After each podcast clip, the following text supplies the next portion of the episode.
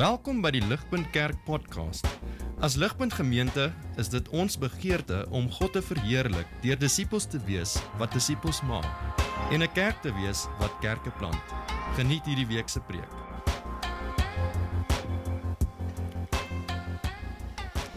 Goeiemôre. Ons lees vanoggend saam uit Openbaring en ons lees hoofstukke 10 en 11 um, uit die ESV vertaling.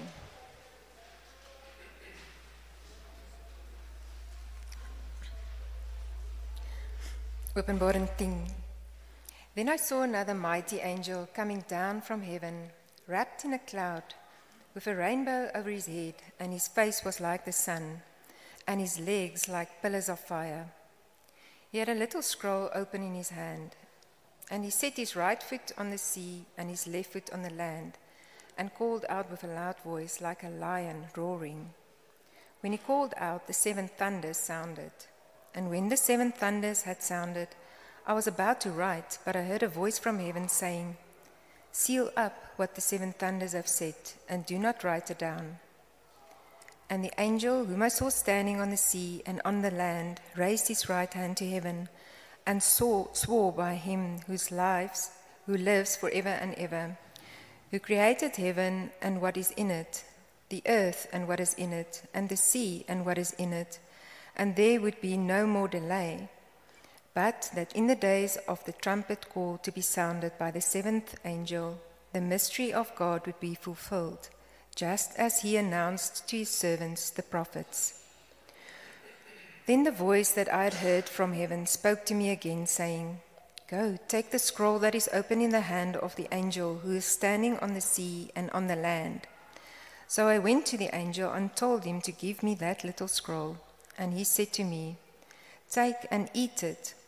It will make your stomach bitter, but in your mouth it will be sweet as honey. And I took the little scroll from the hand of the angel and ate it. It was sweet as honey in my mouth, but when I had eaten it, my stomach was made bitter. And I was told, You must again prophesy about many peoples and nations and languages and kings. Then I was given a measuring rod like a staff, and I was told, Rise and measure the temple of God and the altar and those who worship there. But do not measure the court outside the temple, leave that out, for it is given over to the nations, and they will trample the holy city for 42 months. And I will grant authority to my two witnesses, and they will prophesy, prophesy for 1,260 days, clothed in sackcloth. These are the two olive trees and the two lampstands that stand before the Lord of the earth. And if anyone would harm them, fire pours from their mouth and consumes their foes. If anyone would harm them, this is how he is doomed to be killed.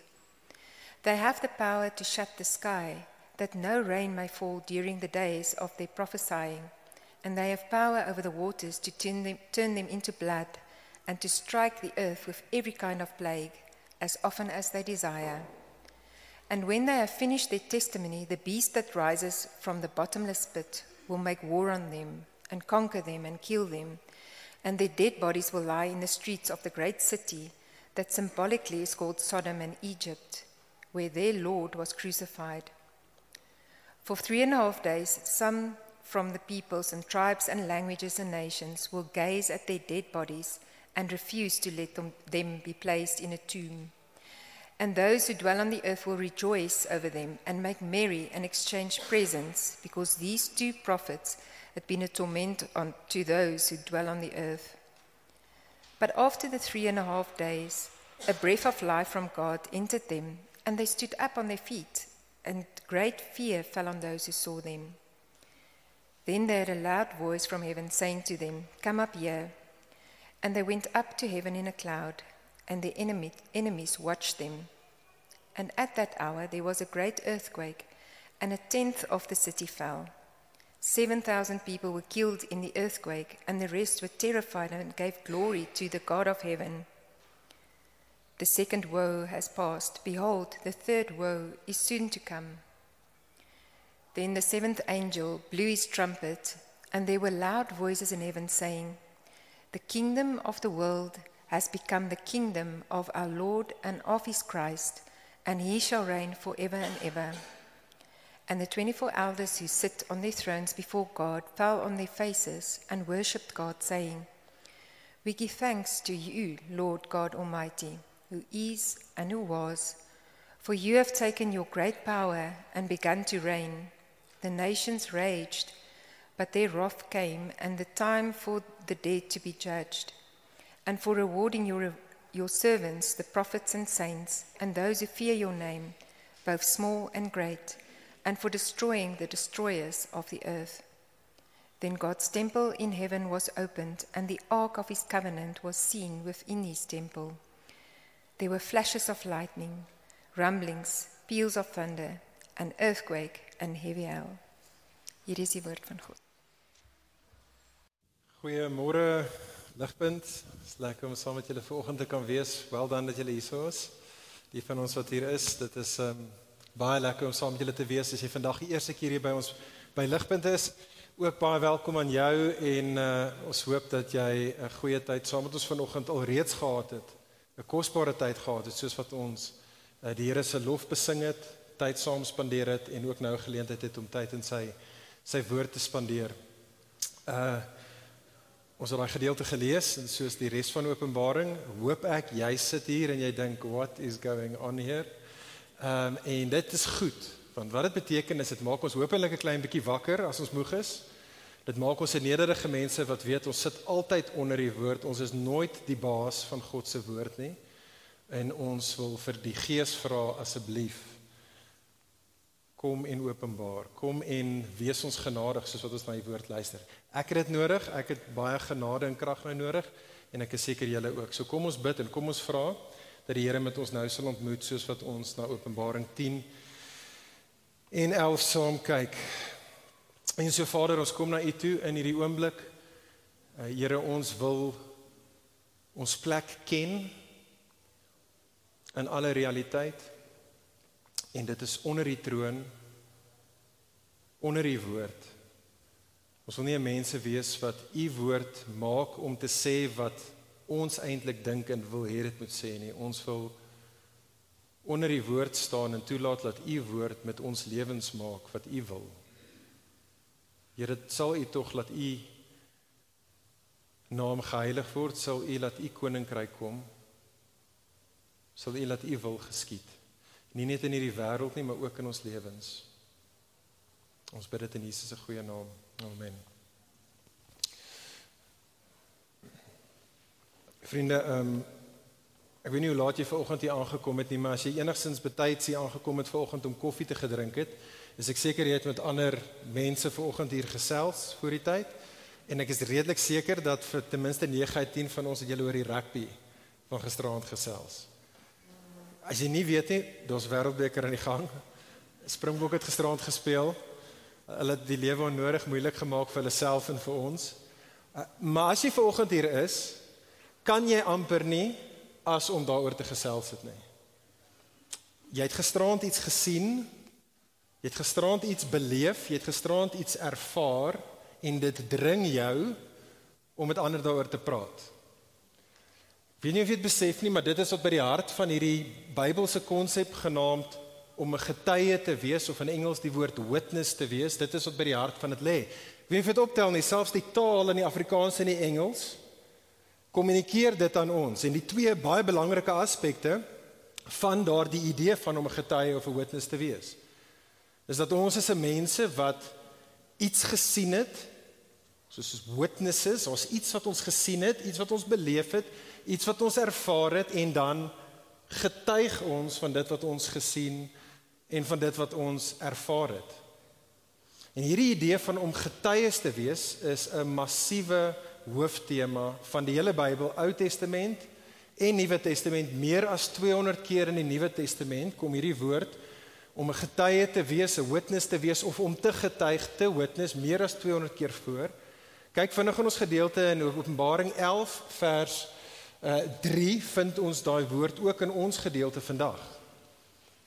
Dit is natuurlik amper soos die opskrif wat Jesus gee wat die lewens van sy mense definieer as jy dink aan Handelinge hoofstuk 1 vers 8 sê God Hy stuur ons uit om sy getuies te wees, presies dieselfde woord as in ons gedeelte en in die res van die Nuwe Testament, om sy witnesses te wees tot die uithoeke van die wêreld toe. En dalk sit jy hier vandag en dalk is jy nie 'n Christen nie of jy's nie heeltemal duidelik selfs oor presies wat dit beteken om 'n Christen te wees nie. Ek dink hier is 'n baie behulpsame uh, ten minste 'n 'n kritiese gedeelte van die definisie van wat dit beteken om 'n Christen, 'n disipel van Jesus te wees. 'n Disipel van Jesus is iemand wat die glorie van God in Jesus gesien het. Dit gewitness het. Dit beleef het, dit ervaar het en wat gevolglik van daardie realiteit getuig. Dis dis wat 'n Christen is. Dis wat 'n disipel is, dis wat 'n getuie is. Dit is wat ons is. Maar daar's 'n verdere aspek tot daai woordjie om te getuig, om 'n getuie of 'n witness te wees wat ek dink ons baie keer mis. Maar as ek en jy eerste eeu Jode was wat die oorspronklike taal hier kon lees het, sou ons dit nie gemis het nie. Daai woordjie vriende in ons gedeelte reg deur die Bybel en wat Jesus sê oor ons lewens staan en in ons gedeelte is die woordjie hierso wat vertaal word in Afrikaans as getuie en in Engels as witness in die oorspronklike Grieks waarin dit geskryf is, is dit die woordjie en ek hou nie van om Griekse woorde uit te gooi nie, maar dit is kind of belangrik hierso vandag. Dit is die woordjie dis daar in Openbaring 11 vers 3 die woordjie martysin. En die woordjie martysin kan jy dalk hoor is baie soos ons Engelse woord mater. 'n Mater is natuurlik iemand wat vir sy of haar geloofs-oortuigings vir hulle getuienis vervolg word. En dit is absoluut fundamenteel. Wanneer ook al die Bybel praat oor die 200 keer oor getuie wees of om te getuig, te witness, dan is jy iemand wat vervolging ervaar vir dit. Kyk saam met my in Openbaring waar dit op kritiese gedeeltes in die boek en in die storie sover in die Openbaring sover aan ons pertinent gestel is. So kyk saam met my op die skerm eerstens daarso in Openbaring 1 vers 5 Jesus self Dis die heel begin van die boek. Jesus self, dit is hoe hy aan ons bekend gemaak word. Hy is Jesus, die Christus. Hy is die getroue getuie, die eersgeborene uit die dode. Getuie en om te sterf gaan hand aan hand. Jy's 'n martyr. Openbaring 2 vers 13 vir die kerk in Pergamum praat dit oor een van die ouens in hulle gemeente, Antipas, die getroue getuie wat doodgemaak is by julle. Openbaring 6 vers 9, ons het dit so 'n paar weke terug gekyk, daar onder die altaar in die hemele die siele van die wat gedood is, hoekom ter wille van die woord van God en dieselfde woordjie as in ons gedeelte en die getuienis wat hulle gehad het. Die punt vriende wat ek wil hê ons moet verstaan. Bybels gesproke is elke ware gelowige Elke ware gelowige is 'n getuie en Bybels gesproke is elke getuie 'n vervolgde. En hier lê die uitdaging vir jou en vir my. As jy enigstens soos ek is, ons is dink saam met my in 'n skilpad. Wat doen 'n skilpad sodra daar gevaar is? Hy trek sy kop en hy kruip weg, hy bunker down. En dit is ek en jy op die beste van tye. Dit is hoe die Christen in die eerste eeu ook was. Dit is die hele punt van hierdie boek. Is dat ek en jy is 'n mense wat geroep word as getuies, maar sodra kan jy ons kop uitsteek, sodra kan jy begin in hierdie wêreld vertel van die God Jesus, die koning wat regeer en ons sodra kan jy net ons kop uitsteek as die gevare daar en ons natuurlike disposisie, ons reaksie is om ons kop in te trek, om ons dop weg te kruip om dit veilig te speel. Wat ons dan doen is om ons getuienis te deel, die som totaal van ons getuienis te deel gebeur hier binne die kerk, hier binne die dop van die skilpad. Dis goed. Dis dalk in ons ligpunt gesin, ons deel ons getuienis, prys die Here vir dit. Maar daar waar dit regtig tel, daar waar dit saak maak, daar waar dit seer maak, by die huis, in jou straat, by jou familie, dalk by die kantoor, dalk by die koshuis. Daar is ons stil. Daar is ons stil. Ons getuienis is nie regtig opmerklik nie. Dit maak niemand regtig ongemaklik nie en dit het nie werklike impak nie. En die vraag vir jou en vir my vandag vriende wat wat ek graag wil insoor moet dink is wat het ek en jy nodig om voor oë te hou sodat ons te midde van verdrukking getroue getuies daar in die regte wêreld gaan wees. Wat het ons nodig om voor oë te hou? En die antwoord is Openbaring 10 en 11. Ons het hierdie visioen, hierdie prentjie, hierdie beeld van Openbaring 10 en 11 moet vir jou en vir my duidelik wees. En as dit sal wees, sal die Gees ons help om te midde van die verdrukking daar buite getroue getuies te wees. OK, so dit is wat ons nou wil kyk. As jy laasweekie was, sal jy onthou Johan van Asweging het na daai gedeelte ons deur dit gevat. En ons het in Openbaring 8 en in Openbaring 9 gesien, eintlik die begin van hierdie visioen wat ons nou in verder aangaan. Hierdie visioen wat bekend staan as die sewe trompette. En jy sal onthou wat ons laasweek gesien het, is dat in die sewe trompette is die konteks, die Ou Testament konteks is beeldspraak uit die boek van uh, uit die boek van Eksodus uit. En wat ons hierso sien is ons sien hier in Openbaring en laasweek se gedeelte in Openbaring 8 en 9 hoe wêreldgeskiedenis uitspeel. Alles wat uitspeel in wêreldgeskiedenis is God se mense wat uitroep tot God in die midde van hulle verdrukking. En net soos wat God in die storie van Eksodus gedoen het, het God daar het hy die gebede van sy mense aangehoor. Hy hoor ons gebede aan en net soos hy gemaak het in die storie van Eksodus, dit was laasweek geweest stuur God dan in hierdie wêreld en dit is die tragedies en die ellendes van die wêreld stuur God pla oor hierdie wêreld om beide sy mense te verlos aan die hand van hulle gebede en om sy vyande te verslaan aan die hand van sy mense se gebede. Dit is wat ons laasweek gesien het en net soos in die storie van Eksodus, dit was die laaste gedeelte van laasweek se gedeelte, het ons gesien dat ten spyte van God se trompette, want die trompette is natuurlik sirenes, dis waarskuwing van 'n groter oordeel wat kom.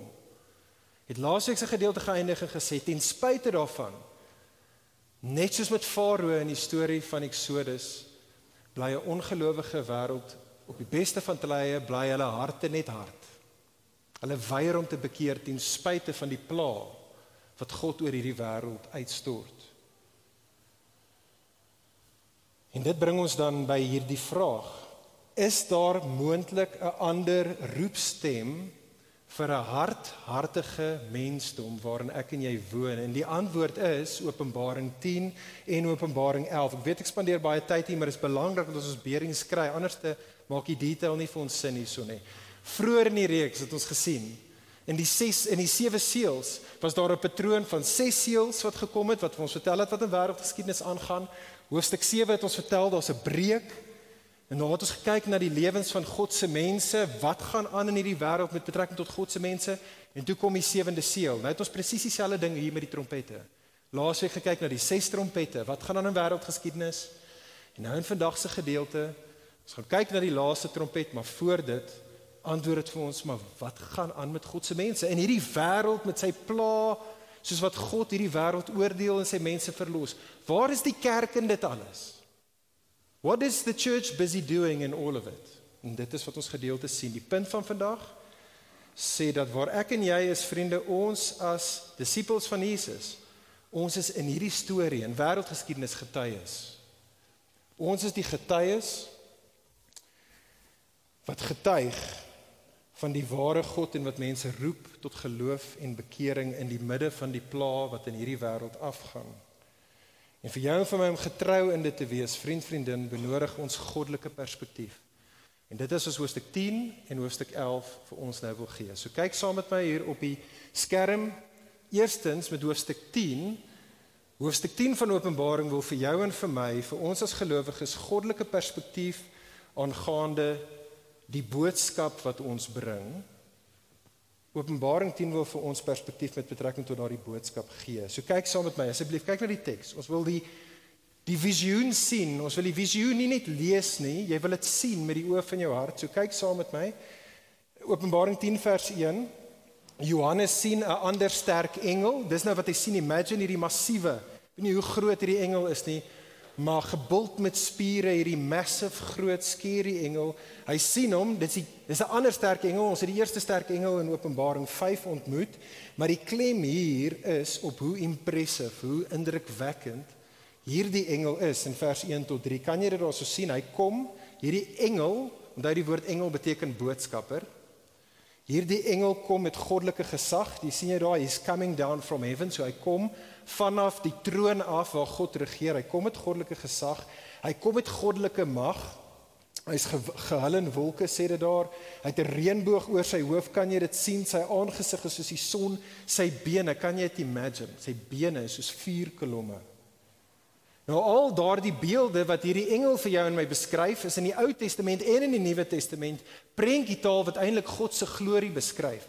So hierdie engel kom nie net van God af nie. Hy is hy kom as die verteenwoordiger geklee in die glorie van God. En hierdie engel, sien jy daarso in vers 3 nog, hierdie engel, hierdie boodskapper kom met goddelike jurisdiksie.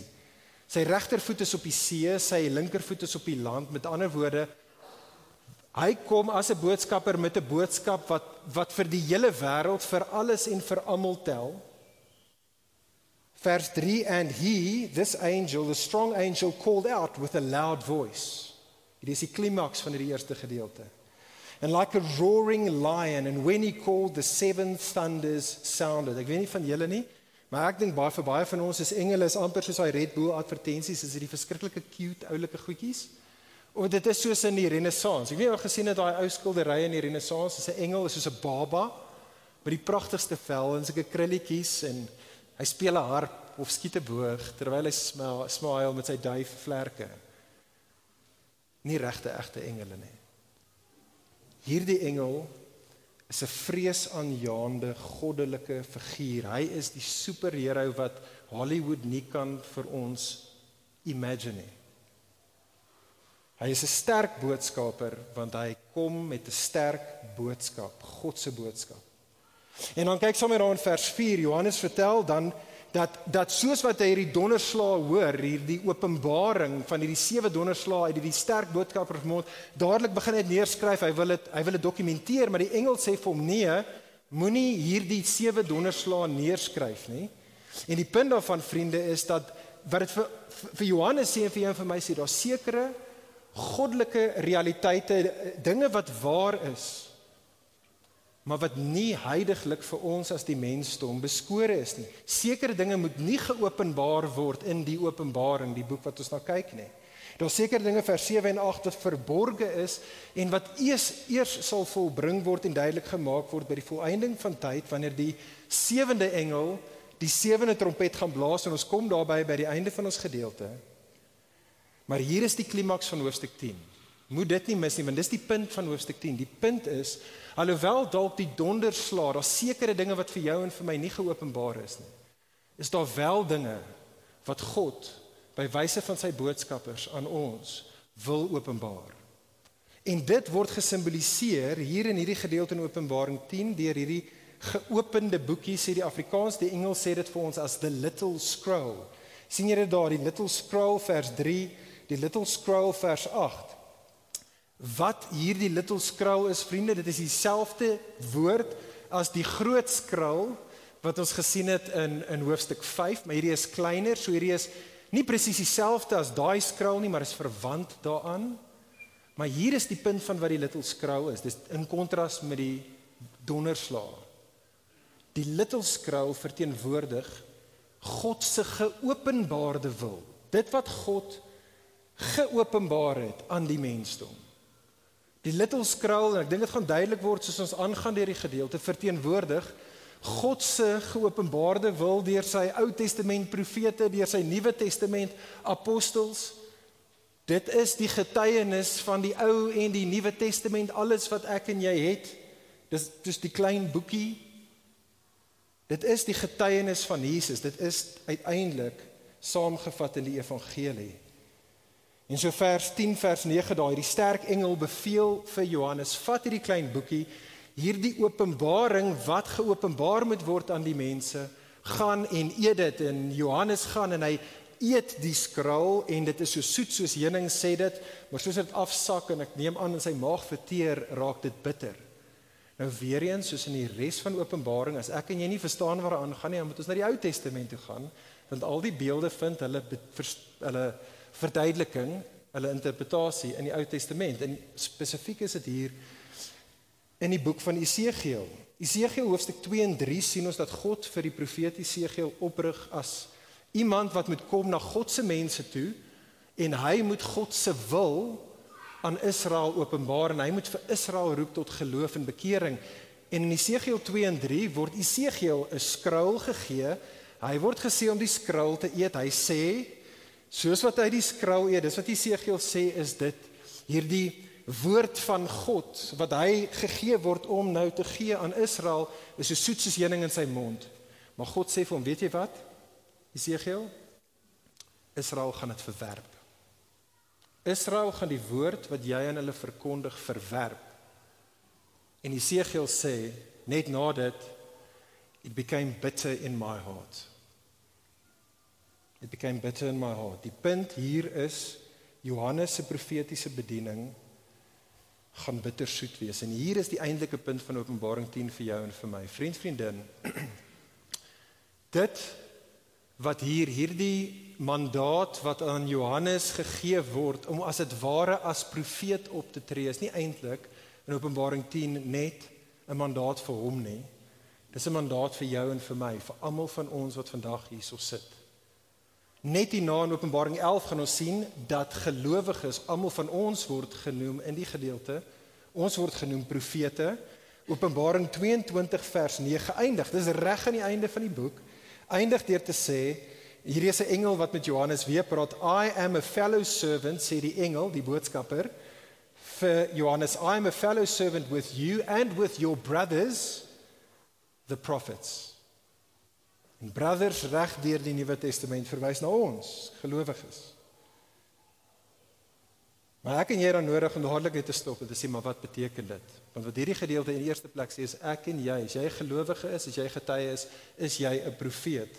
En vriende, ons het nodig om onsself net hieraan te herinner. Ons het dit al tevore gesê, ehm um, hier, ek dink in die einste jaar nog gesê, maar die essensie, die essensiële roeping Beide in die Ou Testament en in die Nuwe Testament is die essensiële roeping van 'n profeet is om God se volk en God se vyande te roep om in die lig van God se waarheid te lewe en in 'n profeet se job spek is om mense te roep tot geloof en bekering in die praktiese dinge van 'n lewe in die lig van die God wat homself reeds openbaar het. Vir Ou Testament profete was daai woord was dit die Torah, die wet wat by Sinaï gegee is.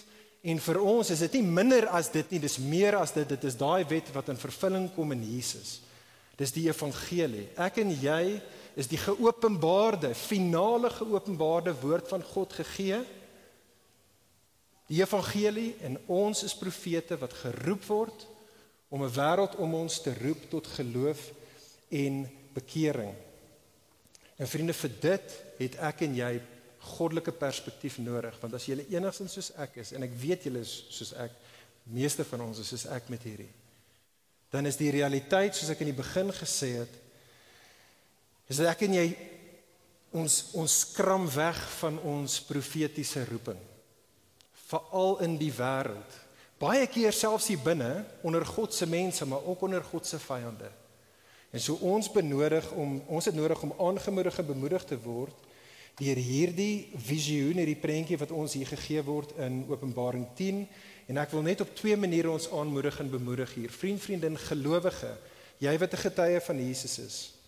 Ek en jy het nodig om te besef in die eerste plek dat die boodskap wat op in jou en my lippe behoort te wees die evangelie het goddelike mag en goddelike gesag. Dit is die hele punt van hierdie beeld.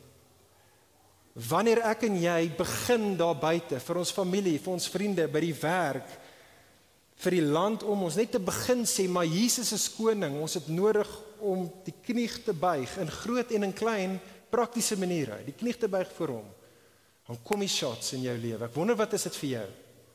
Want dit gaan in jou lewe nou aan as jy werklik 'n kind van die Here is. En dan dadelik, as jy soos ek is, dan dadelik voel ek so swak. Ek voel so pateties. Ek voel so uit my diepte uit. Wanneer die shots begin kom, ek wil in my dop wegkruip.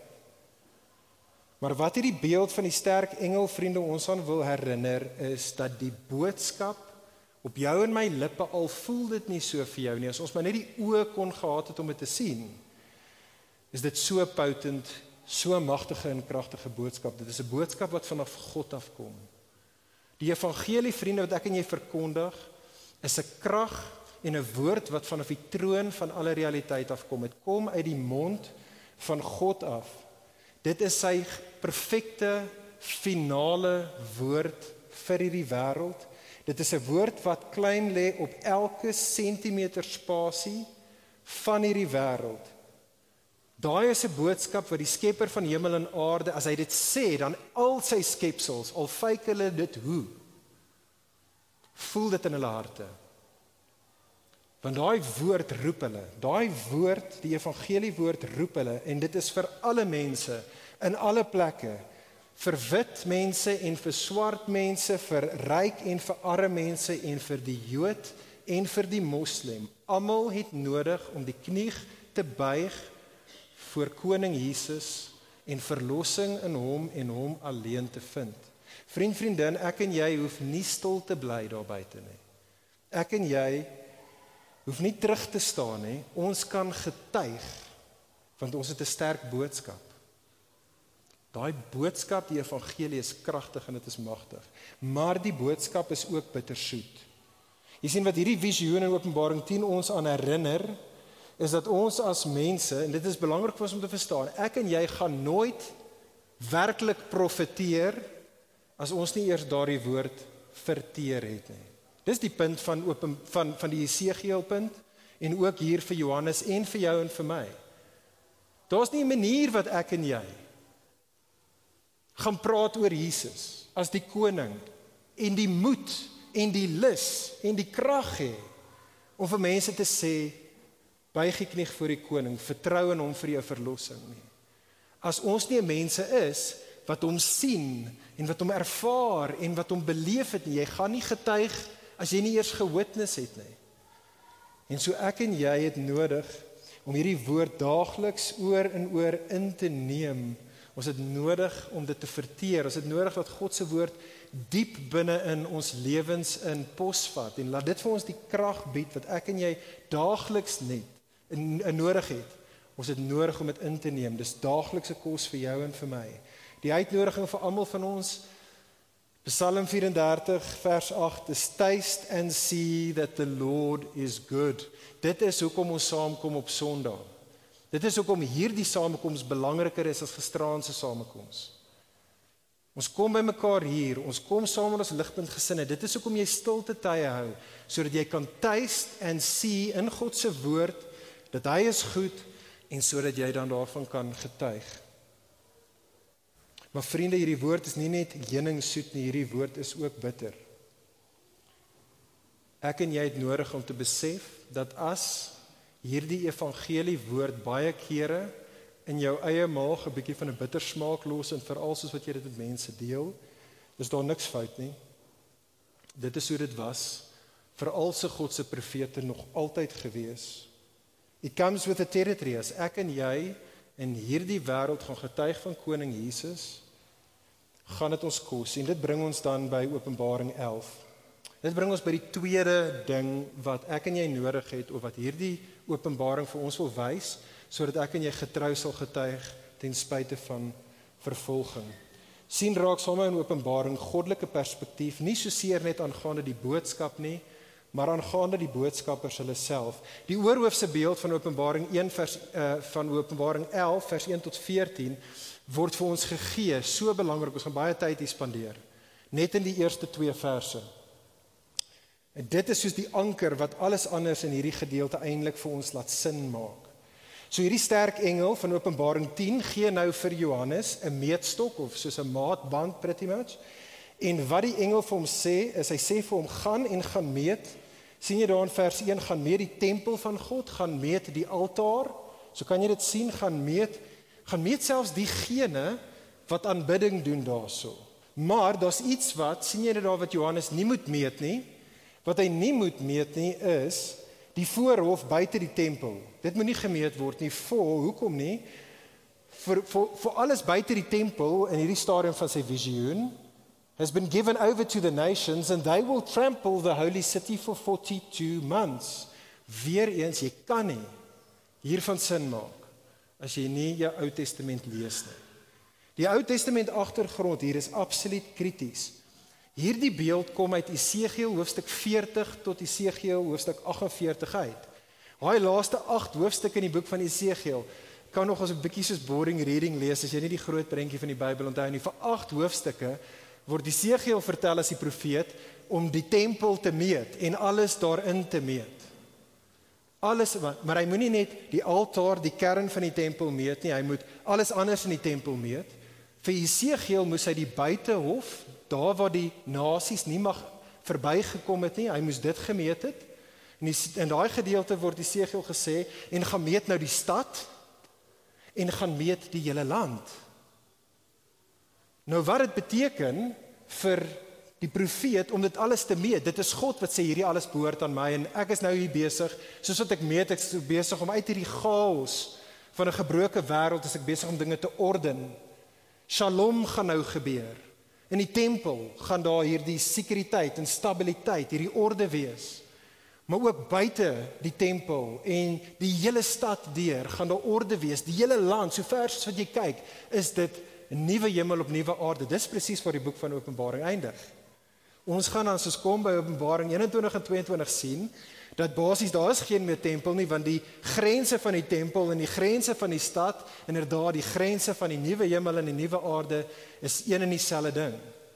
God se teenwoordigheid, dit wat aanvanklik in die tempel was, sy heersende glorie gaan elke laaste sentimeter van alle realiteit beset.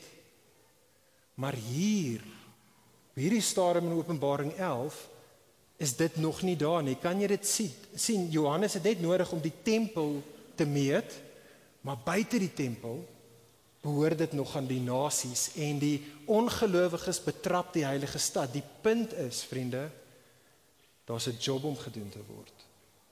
Daar's 'n werk vir God se mense, vir sy getuies. Hulle is die twee getuies wat waar moet profeteer buite die tempel, daar waar die nasies regeer, daar waar hulle God se wêreld vertrap. Die rede hoekom dit twee getuies is, is nie eintlik moeilik nie. Dis regte die Ou en die Nuwe Testament. Is twee getuies maar net 'n manier om te praat van 'n geloofwaardige getuienis. Jesus het dieselfde taal ook gebruik Ou Testament praat daaroor dat jy ten minste twee getuies nodig om 'n witness believable, credible te maak en dit is wat ons hier ook dan het. Wat ons hierso het is dat uh, kyk saam met my daarso is dat hulle kom en die getuies het nou nodig om hier in 'n wêreld wat nie vir God ken nie nou te getuig om as dit ware te help orde en shalom uiteindelik in te bring. En daar's vier dinge en dit sal op die skerm hier kom. Maar vier dinge wat ons dan sien in vers 3 tot 14 en ons gaan baie vinnig daarna kyk. Maar vier realiteite kenmerke, dinge wat verwag kan word van God se getuies van jou en my in hierdie wêreld waar ek en jy geroep word om te getuig van koning Jesus. Eerstens sien raak saam met my daar in vers 3 tot 4 die kerk se roeping. So daar's hierdie twee getuiene, getuies, dis die kerk, hulle het 'n gesag om sien jy daar vir 1260 dae in die buitehof in die stad daar buite te profeteer. Daai 1260 dae is presies dieselfde as die 42 eh, tydperk gewys. Dis dieselfde as die 42 maande net in die versie voor dit. Dis dieselfde as in die boek van Openbaring 3 en 'n half jaar en al drie daai tydperke spesifieke 3 en 'n half jaar vind ons oorspronklik in die boek van Daniël en Daniël hoofstuk 7 en hoofstuk 12 en wat 3 en 'n half jaar as opposed to 7 jaar beteken is dit is 'n tydelike kort tyd maar is 'n tyd van verdrukking. En so die kerk word geroep om te getuig van Jesus daar waar die nasies regeer en hulle gaan shots vat vir dit. Dit is 'n tyd van verdrukking. Hulle gaan rou In sackcloth gaan hulle rou oor die sonde van die wêreld en die glorie van van van God wat beskadig word in hierdie wêreld. Ons as God se getuies gaan vers 4 soos olyfbome wees wat goeie vrug gaan dra en soos lampstaanders wat in hierdie wêreld God se lig gaan skyn. Maar sien verder daar ons roeping nou in die hier en nou in hierdie 3 en 'n half jaar tydperk sien raak die kerk se bekragtiging vers 5 tot 6 net soos die profete van ouds. Daai prentjietaal daar van Moses se profetiese bediening en Elia se profetiese bediening gaan ons as God se boodskappers bo natuurlik bekragtig word vir ons getuienis. Dit voel nie vir jou so nie. En dit voel nie vir my so nie. Maar God is aan die werk kragtig in en deur ons. Hy veg vir ons, hy veg saam met ons. Maar dit beteken nie ons tyd van om getuies te wees gaan maan skyn en rose wees nie. Derdens vers 7 tot 10 sien raak daarso die kerk se vervolging. Daar's hierdie gedierte uit die put uit. Ons gaan van hom lees net hierna in die boek van Openbaring. Die gedierte uit die put uit verteenwoordig die goddelose wêreldmagte wat 'n sataniese oorsprong het. En en en die prentjie wat ons hier en op ander plekke gaan sien, maar spesifiek daar sien jy dit daarso, is dat soos wat ons in hierdie wêreld getuig, gaan die wêreldmagte gaan ons haat daarvoor. Want ek en jy sê die visioen lewe nou in Sodom. Ons lewe nou in Egipte. En wat het die wêreld met Jesus gemaak toe Jesus in Sodom en in Egipte gelewe het? Hulle het hom gekruisig. En soos wat ek en jy getuig in hierdie wêreld, as dit waar was vir Jesus vriend vriendin gaan dit waar wees vir jou en my. Ons gaan ook vervolg word want die wêreld se gewetes word getorment sê vers 10 deur die evangelie vrug wat ons dra en die evangelie lig wat ons skyn. Maar vierdens vers 11 tot 14 ons weet hoe die storie sal eindig. Die kerk sal verheerlik en verhef word na 3 en 'n half dae So dis dieselfde as die 3 en 'n half jaar, maar ek dink dit is daar hierso want dit herinner ons aan die 7 dae van skepping in Genesis 1. So sal God, daar sal 'n dag kom wanneer God sy lewensasem, net soos in Genesis 1, sal inblaas in die vervolgdes en vermoordes sy mense. Daar sal 'n herskepingswerk wees. En God se vyande sal met vrees gevul word en elke knie sal buig en elke tong sal erken uiteindelik dat God regeer Jesus is die koning en hy alleen behoort aanbid te word. Vriende ek wil vinnig met julle 'n uh, aanhaling deel. Ek dink dit mag dalk op die skerm wees. Ek is nie seker nie. Ehm um, van 'n hy's 'n skrywer. Sy naam is Tom Bowdet ek dink hy's ook 'n voice actor en hy het die volgende gesê wat ek dink so behulpsaam is hy het gesê disappointment disappointment resides in the gap between expectations and reality. Hy's reg, wêreldbeker is 'n illustrasie vir ons van dit. Disappointment wat ouens in die wêreldbeker ervaar is daai gap tussen dit wat jou expectations was en dan wat actually die realiteit is. En dit is so waar in ons lewens as Christene ook.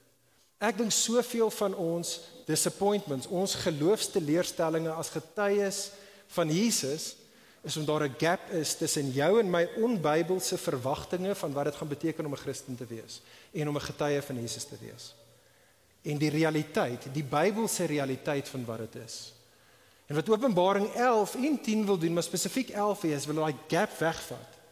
Ek wil vir jou en vir my sê, ek en jy is getuies, maar hou op om verkeerd te dink oor om 'n getuie van Jesus te wees. Ek en en, en ons het dit nodig. Jy sien ek en jy vriend vriendin het nodig om te onthou dat ons is geroep. Ons is geroep om buite die vier mure van hierdie spreekwoordelike tempel, hierdie plek waar die binnekring is van God en sy mense. Ons word geroep om daar buite, daar waar die nasies regeer en waar hulle God se wêreld vertrap. Ek en jy is geroep as disippels om daar van Jesus te getuig. Dit is goed en reg soos ek net nou gesê het dat ons hier binne dat ons ons getuienis met mekaar deel, maar vriend vriendin ons moet ophou om 'n holy huddle te wees. Ons het nodig. Ek dink en ek praat vir myself in die eerste plek. Ek dink ons as ligpunt het nodig om in hierdie verband te bekeer. Ek dink ons godsdiens raak te vinnig, te maklik, selfgesentreerd, gemaksigtig, gaan oor my en my behoeftes terwyl 'n wêreld op pad is na 'n ewige hel toe. Ek en jy word geroep om daar buite te gaan getuig.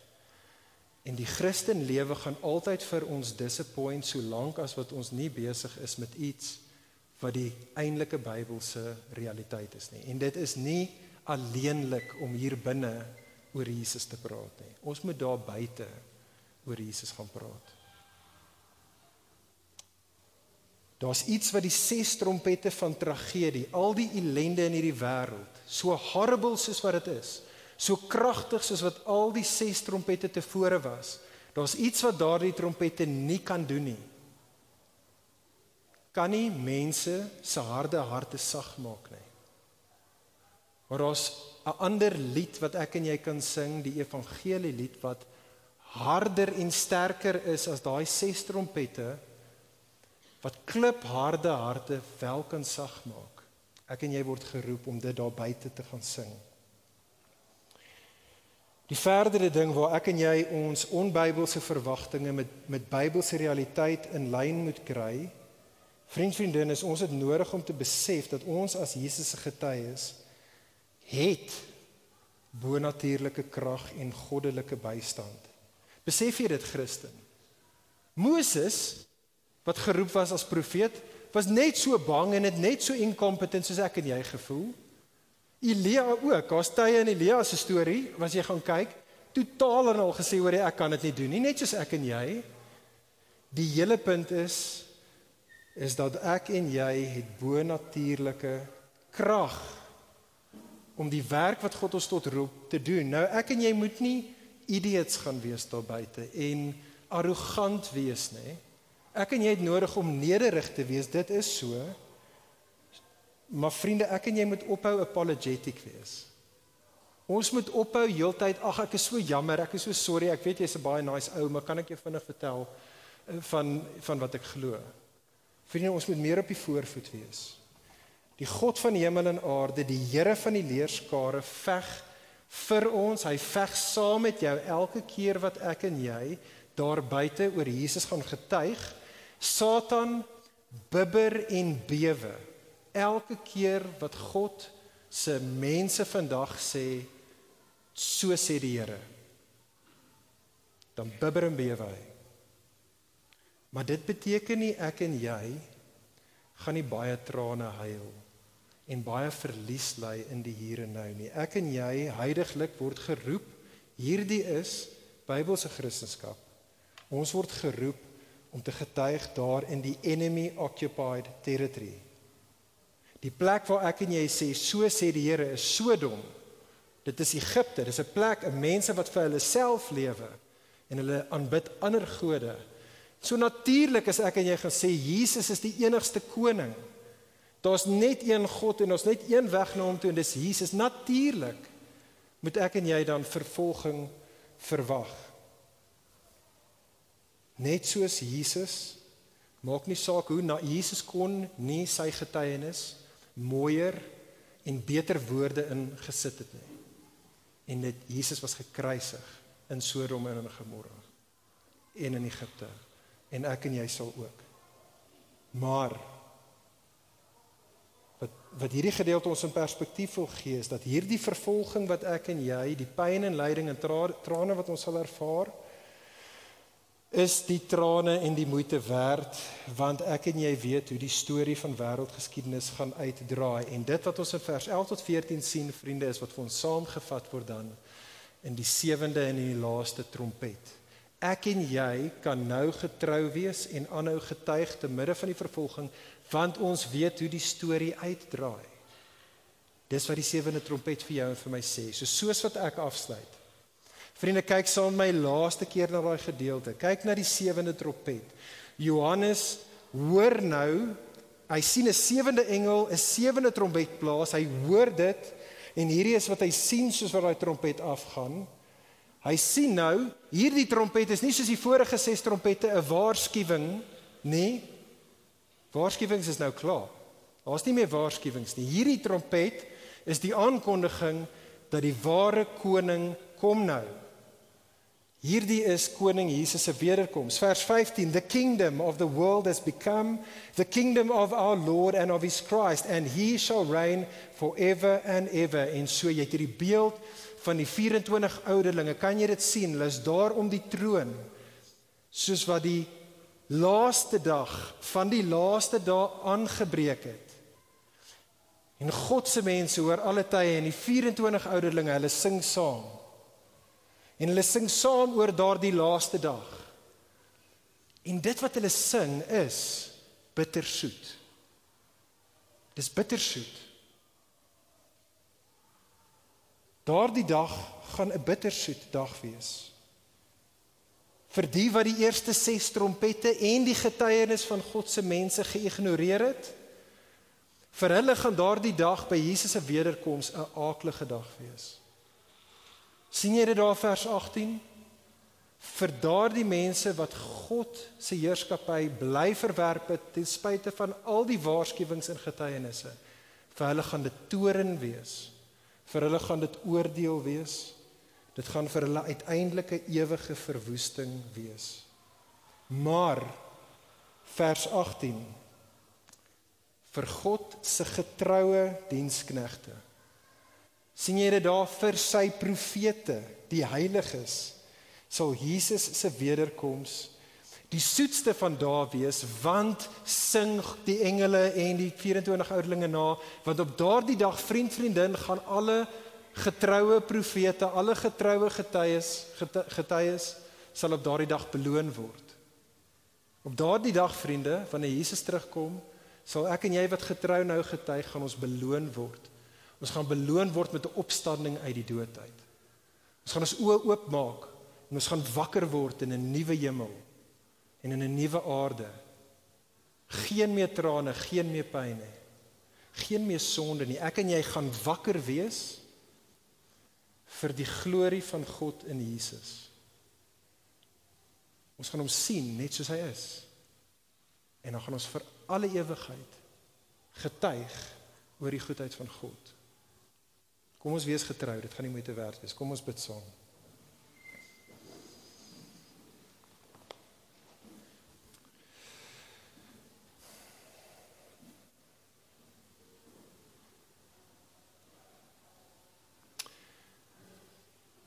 Vader, ons wil ek wil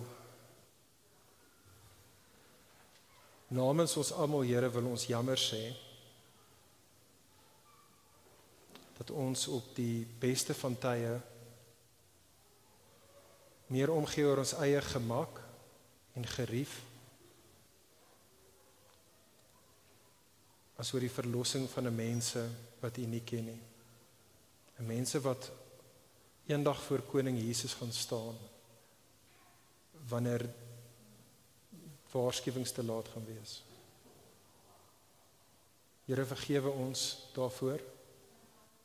Geef ons oë om te sien die glorieryke boodskap en en die kosbaarheid van ons roeping as die boodskappers. Help ons om dit te sien. Bekragtig ons deur die Gees. Stuur ons uit om buite in ons stad en in ons land en in ons wêreld te aan te kondig Jesus is koning bekeer en vertrou en ontvang die goeie lewe in hom. Here, maak ons sulke mense. Asseblief o Heer, doen dit toenemend so ons bid dit vir u verheerliking, vir ons eie vreugde en vir die verlossing van 'n wêreld wat heiliglik nie die goeie lewe in u geniet nie. Ons bid dit in Jesus se naam. Amen. Vir meer inligting oor Ligpunt Kerk, besoek gerus ons webwerf op www.ligpunt.com of kontak ons gerus by info@ligpunt.com